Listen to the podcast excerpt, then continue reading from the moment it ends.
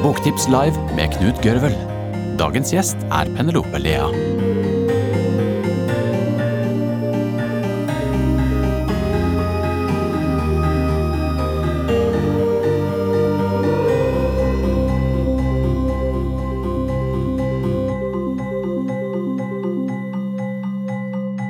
Eh, Den neste forfatteren ut er bare 17 år.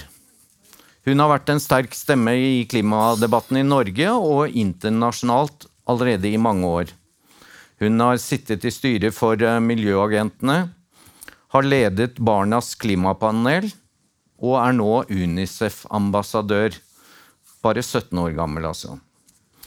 Men i dag er eh, hun her som forfatter av boken som står der, i hverandres verden, som er en samtalebok om klima og aktivisme for ungdom og alle oss voksne.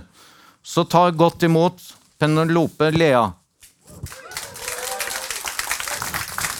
Ja, enda litt mer da, dere.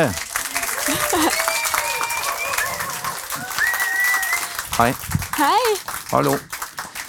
Du, eh, jeg sa jo at du er bare 17 år, og du er sikkert veldig vant til at alle vi gamle spør liksom jøss, så ung du er. Men, eh, men eh, Og så sa jeg også at du har holdt på i mange år. Kan du fortelle når begynte ditt engasjement, og hva er det du har gjort? Ja. Jeg har gjort veldig mye forskjellig. Det begynte da jeg var åtte år. Um, og egentlig av noe så enkelt som at jeg liksom elsker å leve. Og jeg ville ta vare på det jeg er glad i. Um, og jeg fikk et veldig sterkt behov. Det skjedde noe i livet mitt som gjorde at jeg fikk et uh, veldig sterkt ønske om å medvirke i eget liv. uh, og bli hørt. Og få lov til å ja, bli lyttet til. da. Og så har familien min og jeg alltid vært mye i naturen. Brukt den når vi er lei oss eller sinte eller ja, trenger å gå dit for å få ut noen følelser. Um, så når jeg skjønte og leste om klimakrisen for første gang, skjønte at det var i aller høyeste grad noe som påvirker mitt liv, Ja. så fikk jeg stort behov for å få lov til å medvirke. Um, og så søkte jeg meg opp for å finne en miljøvernorganisasjon for barn og unge. Eh, og da fant jeg Miljøagentene. Man kan melde seg inn når man er null år, så det var perfekt. Em, og så meldte jeg meg inn. Så jobbet jeg videre med barn og unge da. Er det sånn riktig å liksom kalle deg en norsk Greta Thunberg, eller er det rart?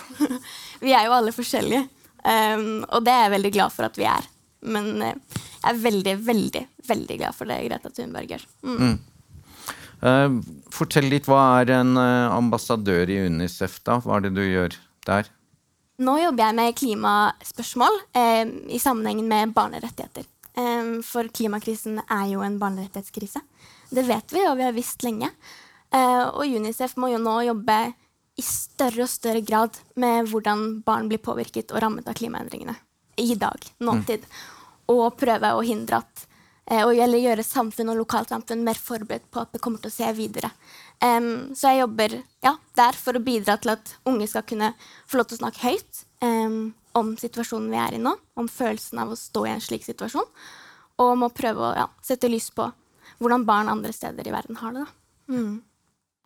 Men hvordan er det da å liksom møte, sånn som vi skal snakke litt om nå, all verdens uh, viktige både ledere og FN og overalt? Altså, er det vanskelig for deg, eller har du liksom bare tatt det på strak arm? Jeg har ikke tatt det på strak arm. Nei. Det har vært veldig fint å møte og, og se så mange ulike historier og så mange ulike mennesker.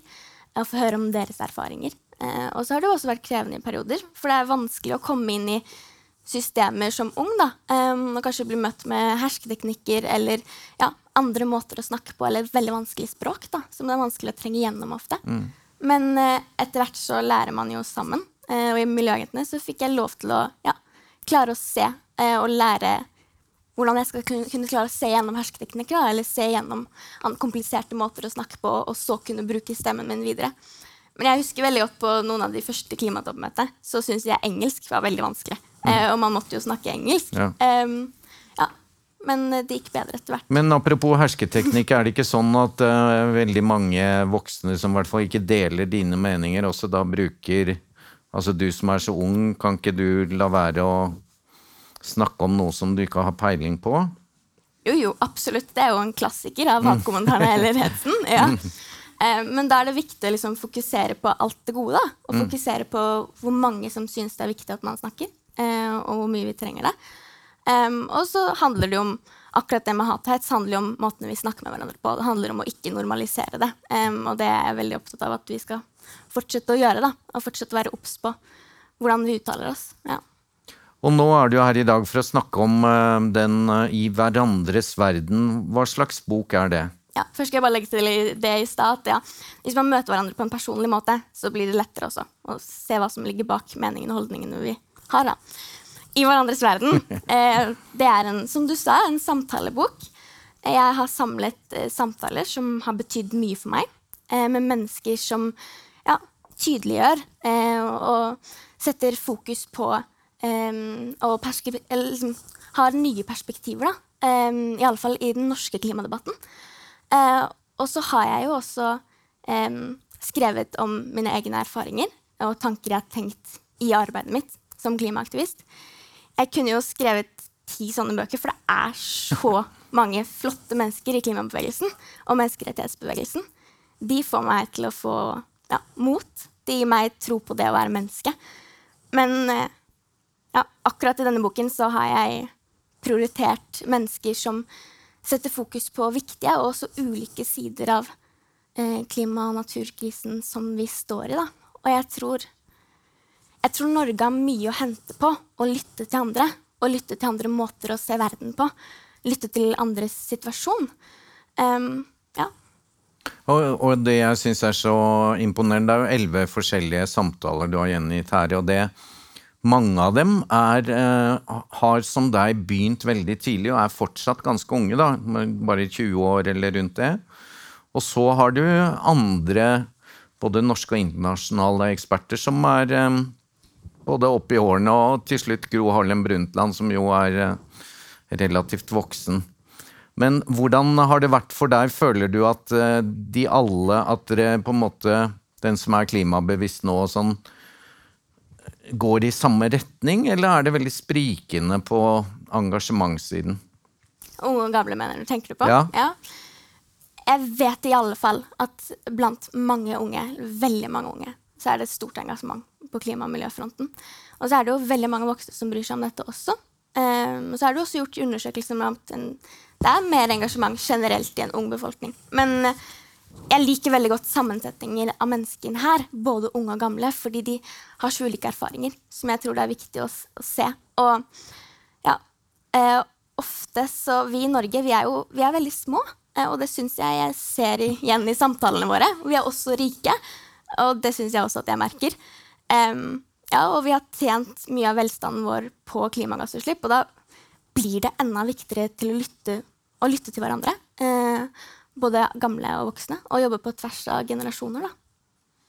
Er det, er det en av det, altså, Vi kan ikke snakke om alle elleve. Er det noen av de du gjerne ville fremhevet nå, som du syns var spesielt interessant eller overraskende, eller Jeg tror ikke jeg klarer å fremheve én, for jeg Nei. liker veldig godt sammensetningen av dem. Um, og jeg valgte dem alle av en grunn, Ja. fordi de inspirerer meg. Men jeg kan fremheve noen sitater. Gjør det. Ja. Først av eh, Christiana Figueres. Det mest Si ve- hvem Christian Figueres han er han fra klimapanelet, eller hvor det Nei, Nei. hun er, eh, ja, Hun? hun er fra er klimapanelet. ja. Men hun er um, FNs klimasjef, Mm. og vi kaller henne liksom Parisavtalens mor. Hun var den som ledet forhandlingene opp mot Parisavtalen og gjorde det helt tatt mulig å ja, få den til. Mm.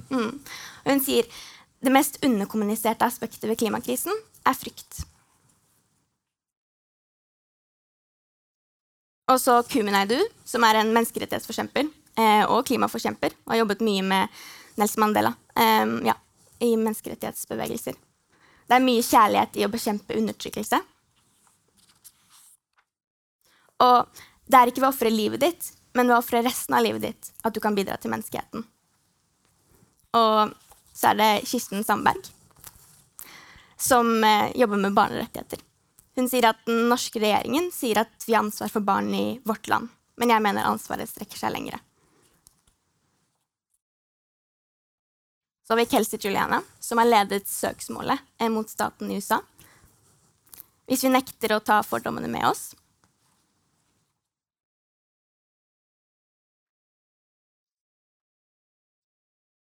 Og så har vi Ronald Jumeu, som er eh, ambassadør for Seychellene og har jobbet mye med øystater og klimaproblematikk der. På klimatoppmøtet får jeg ofte spørsmål om jeg er kommet for å redde de små øyene. Da svarer jeg at jeg er kommet for å redde dere. Hva gjør det personlig? Blir alle barn på hennes alder mine barn? Hvis jeg lykkes for henne, lykkes jeg for alle. Og, og yes, du skriver i forordet at um og det er litt dumt da at jeg stiller det spørsmålet nå når det går mot slutten, men at du ofte blir litt sur eh, når folk stiller deg spørsmålet er det håp. Ja. For det synes du, Og det kommer ofte på slutten av intervjuene. Men for meg så er det sånn eh, Jeg snakker jo med egne barn og sånn, og jeg syns det er fælt å observere at mange av dem ikke har håp. da, altså at det liksom, Nei, det går til helvete. Og da tenker jeg at det er en det en vanskelig holdning å ha. Men uh, hva tenker du rundt det med det dumme spørsmålet håp?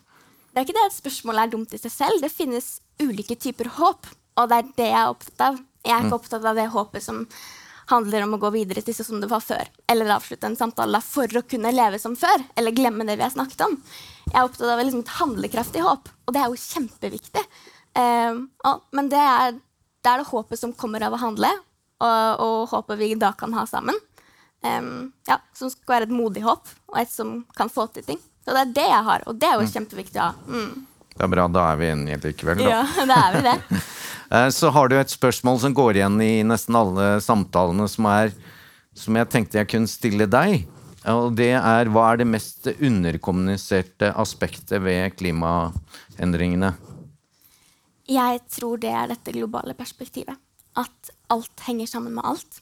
Og at klimakrisen ikke bare er et miljøspørsmål, men det handler om grunnleggende menneskerettigheter, om barnerettigheter, om økonomi, fred, sikkerhetssituasjonen i verden, medmenneskelighet, kvinners rettigheter. Alt sammen. Og hvis vi klarer å forstå det, så tror jeg vi i Norge kan bidra med mye. Men da må vi ta det globale perspektivet inn i våre samtaler i hverdagen med oss hele tiden. Og det er jo, synes jeg er veldig morsomt. Den er laget både veldig enkelt for unge mennesker, men også veldig enkelt for oss som er litt eldre. Sånn at det virker, for det, det er veldig lett å lese boken. Og det er veldig morsomt med Gro Harlem Brundtland, for der viser du til det sitatet at alt henger sammen med yeah. alt. Som du nå sa. Og da var jo hun forteller at det sa hun liksom en bisetning på Stortinget, og det ble veldig mobbet. Mens det nå i ettertid er liksom det store. Så alt henger sammen med alt. Og I tillegg um, I etterordet så Du kaller etter, etterordet for stemmeseddel. Og sier liksom at dette, denne boken er din stemmeseddel, på en måte. da. Så jeg tenkte uh, Nå skal de fleste av oss snart stemme, hvis ikke man har forhåndsstemt. Og man får jo Det er jo helt utrolig at sånn som du, som er 17 år da, ikke kan stemme. Um, det burde jo vært stemmerett for 16-åringer, spør du meg, og 17-åringer. Men det var en langt innledning. Jeg tenkte her sitter det da mange mennesker som kanskje burde få et tips.